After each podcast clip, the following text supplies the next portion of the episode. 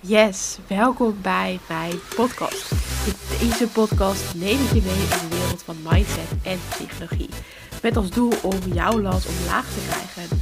Door middel van inspiratie en waardevolle kennis. Maar vooral door actie. Let's go!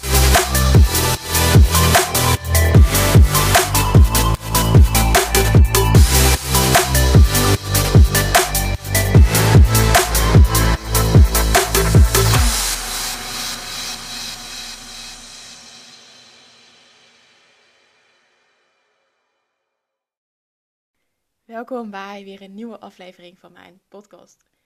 Waar ik het vandaag met je over ga hebben is vergelijken. En ik ga direct met de deur in huis vallen, want hoe vaak vergelijk jij jezelf met een ander? En hoe vaak heb jij ook gedachten als: shit, zij heeft veel dunnere benen dan dat ik heb. Hmm, zij zien er echt veel beter uit. Ik moet nog meer afvallen. En dat zijn misschien een paar gedachten die herkenbaar voor je zijn. En social media kan fantastisch zijn, maar alleen vanuit de juiste intentie. En ik noem nu social media, maar het kan ook zijn dat jij deze gedachte hebt dat je iemand op straat ziet lopen, of in video's, of in tijdschriften, in boeken. En je leest vaak die dingen om meer kennis te krijgen, om jezelf ook te inspireren maar niet om jezelf te vergelijken en omlaag te halen. En dat is super zonde. En dat is ook wat ik in deze podcast nog net wat verder ook wil uitbreiden. Want ik zie om me heen heel veel mensen die zichzelf met anderen vergelijken. En ik merk het ook bij klanten. Dat ze eigenlijk uh, zichzelf gaan vergelijken om ook maar die bevestiging te krijgen. Dus doe ik het wel goed?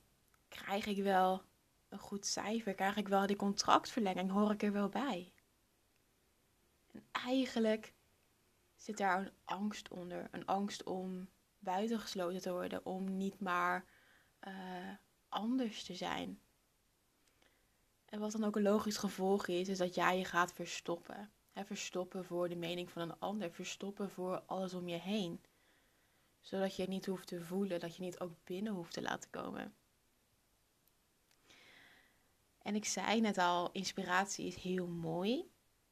Maar ga jezelf niet vergelijken en omlaag halen.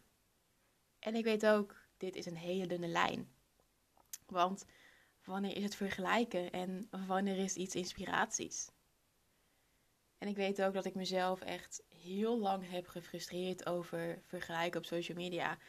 Dat ik echt dacht van, oh shit, mijn benen zijn echt veel te dik. Ik moet echt nog harder gaan trainen. En ja, ik moet gewoon beter eruit zien. Totdat ik ook dacht van ja, maar Lisette, word jij hier blij van? Is dit wat jij hier wil doen in jouw leven? En wanneer je merkt dat jij je onder een persoon gaat plaatsen, dan ben je aan het vergelijken. En dan heeft het dus ook een negatieve invloed. En dat heeft dus ook effect op hoe jij jezelf ziet. En ook op hoe jij jezelf waardeert. En hoe ik het zelf nu aanpak, is dat ik me ten eerste al bewust ben van het feit dat social media niet is wat het lijkt. Want ja, hè, heel veel mensen doen zich anders voor dan dat ze daadwerkelijk zijn. En dat vind ik echt super zonde. En daarnaast plan ik ook altijd bewust social media-loze momenten in. Om dus echt met mezelf te zijn, bewust te zijn van mijn gedachten, maar ook vooral van mijn gevoelens zonder input van anderen, zonder dat ik mezelf ga vergelijken, bewust of onbewust. En ik kan het je echt aanraden. Heel vaak doe ik dit in het weekend, dat ik uh, één dag mijn telefoon lekker aan de kant leg en echt ga connecten met mezelf, maar ook met de mensen om me heen. Want dat vind ik ook heel belangrijk. Zonder dat je in gesprek bent en dat je afgeleid wordt door een melding die binnenkomt, of dat je gebeld wordt, of toch even Instagram wilt checken. En ja, je hebt natuurlijk ook een stukje FOMO, Fear of Missing Out. Dat ga ik vandaag niet bespreken, maar dat heeft natuurlijk ook nog weer invloed van ja, maar ik wil niks missen. Ik moet overal van op de hoogte zijn. En ja, ik kan je alleen nu maar even vragen: werkt dat positief voor je? Dus ik ben benieuwd, ben jij bewust van wie en wat jij volgt op social media? Ben jij bewust van dat wat jij elke dag te zien krijgt? En zo ja, weet je ook wat de invloed daarvan is? En ga eens kritisch door je volgerslijst en verwijder echt ieder persoon waar jij een negatief gevoel bij krijgt. Echt iedereen. En misschien komen er gedachten bij je boven van: oh ja, maar uh, dat gaat die ander raar vinden, of straks zien ze het, of krijg ik commentaar. En merk op dat je daarbij voldoet aan iets vanuit een ander, dus een, bepaalde verwachting of mening. Terwijl je nu echt even vanuit jezelf mag gaan kijken, vanuit je eigen intentie, vanuit liefde ook voor jezelf. Kijk naar alle dingen die jij positief vindt en ook die jou blij laten worden. En waar je dus ook heel veel inspiratie en positiviteit uit had.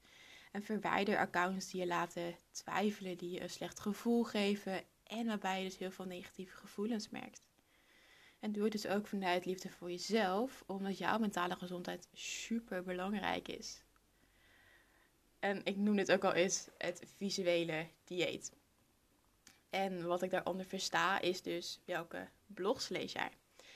Welke filmpjes kijk jij? Welke plaatjes zie je? En wat heb jij bijvoorbeeld op de achtergrond van je telefoon staan of op de achtergrond van je laptop? En dit heeft allemaal onbewust heel veel invloed op hoe jij jezelf ziet, maar ook hoe jij de wereld om je heen ziet. Dus waar gaat jouw aandacht naartoe? En wat zit heel erg in jouw vortex, in het voorste stukje van je mind? Want het zegt namelijk heel veel over jouw mentale gezondheid. In de tijd dat ik worstelde met bulimia, keek ik heel graag de uh, calorie challenges. Ik vond het fantastisch en ik kon er zo van genieten. En ook vond ik eetdagboeken heel interessant om naar te kijken. Want wat eet iemand op een dag? Um, kan ik daar inspiratie uit halen?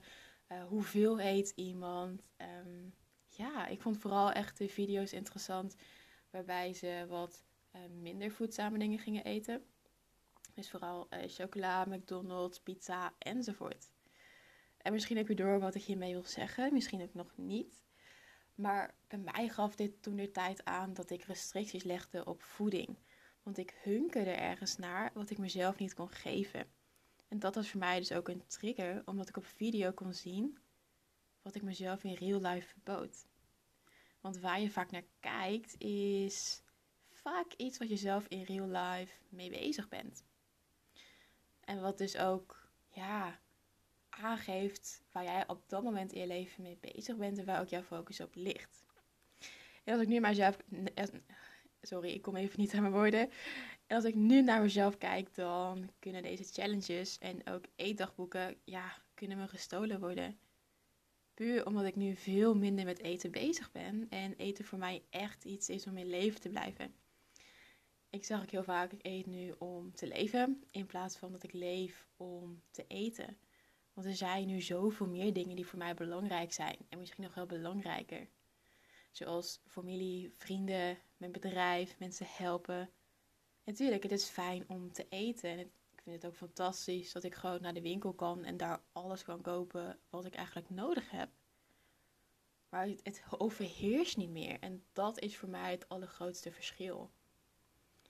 En vaak hebben blogs en video's super goede bedoelingen maar hebben ze onbewust een invloed op hoe jij naar jezelf kijkt. Uh, op je triggers, op je eetstoornis, op je lichaamsbeeld. Maar ook op hoe jij succes ziet en hoe je succes ervaart. Op het moment dat jij uh, al, alleen maar filmpjes ziet waarbij ze zeggen dat jij um, ehm, 10 kilo moet afvallen en dat je dan pas succesvol bent, ja, dan ga je dit geloven. En dan wordt dat jouw waarheid. Maar ook op hoe jij relaties ziet, hoe ze zouden moeten zijn, hoe ze horen te zijn. Ik weet niet, misschien is het voor jou herkenbaar, maar ik dacht altijd dat uh, relaties super cliché waren. En dat het ook altijd alleen maar goed ging en super romantisch was. Maar dat was puur gebaseerd op het feit dat ik vroeger heel veel romantische comedies keek. En daar wordt liefde heel erg geromantiseerd. Daar zie je alleen maar positieve beelden. Dus ik dacht ook dat een relatie zo hoorde te zijn. Maar dat is niet zo. Het, het is maar een fractie van dat wat het is, want er is zoveel meer. Alleen dat horen zie je niet. En dat is met heel veel dingen in het leven zo. Je ziet vaak alleen maar het topje van de ijsberg, maar er zit zoveel meer onder. En bijvoorbeeld bij een topsporter, iemand die Olympisch kampioen wordt, uh, ja, daarvan zie je zijn prestatie. Maar je ziet niet wat iemand daarvoor heeft moeten laten. Alle trainingsuren, alle mentale weerstand, alle groei, alle opofferingen die iemand heeft moeten doen om ook tot dat punt te komen. En niet alleen de positieve dingen, maar ook juist de weerstand, de mindere dingen, die zijn er net zo goed. Dus wat wil jij nastreven in het leven? Wil jij jezelf blijven vergelijken met anderen? Blijven vergelijken met dingen op social media? Of kies jij voor je eigen pad? En als mens heb jij ongeveer 4000 leefweken. Weken die jij dus in het leven hebt. En jouw tijd is schaars en krijg jij niet terug. Dus, hoe wil jij jouw tijd benutten? En ik hoop niet door te blijven vergelijken met anderen, maar juist wel door te vergelijken met wie je gisteren was. Met volle aandacht voor jezelf, continu 1% beter te worden. En niet omdat het moet of omdat ik dat nu tegen je zeg, maar omdat jij dat wil. Vanuit liefde voor jezelf. Omdat jij dat verdient en mag zijn en het leven hier waard bent. En je hoeft je niet te verstoppen. En je hoeft ook niet bang te zijn dat jij door de mand valt. En je hoeft ook geen maskers te dragen. Je mag gewoon lekker jij zijn, zoals je bent en ook zoals je wil zijn. Dus geef jezelf wat je nodig hebt. En geef je lichaam ook wat het nodig heeft. Zonder dat daar iets aan vasthangt of dat je doet omdat je beter wil zijn dan een ander. Maar doe het puur voor jezelf. Dit was wat ik vandaag met je wil delen. Ik ben heel benieuwd welk inzicht jij hier vandaag uit hebt gehaald. Schrijf het op, laat het me weten en ik spreek jou in een volgende podcast. Super tof dat je weer hebt geluisterd naar mijn podcast. Ik ben onwijs benieuwd welk inzicht jij vandaag hebt gekregen. Laten we vooral connecten via Instagram en deel jouw inzicht. En wie weet spreek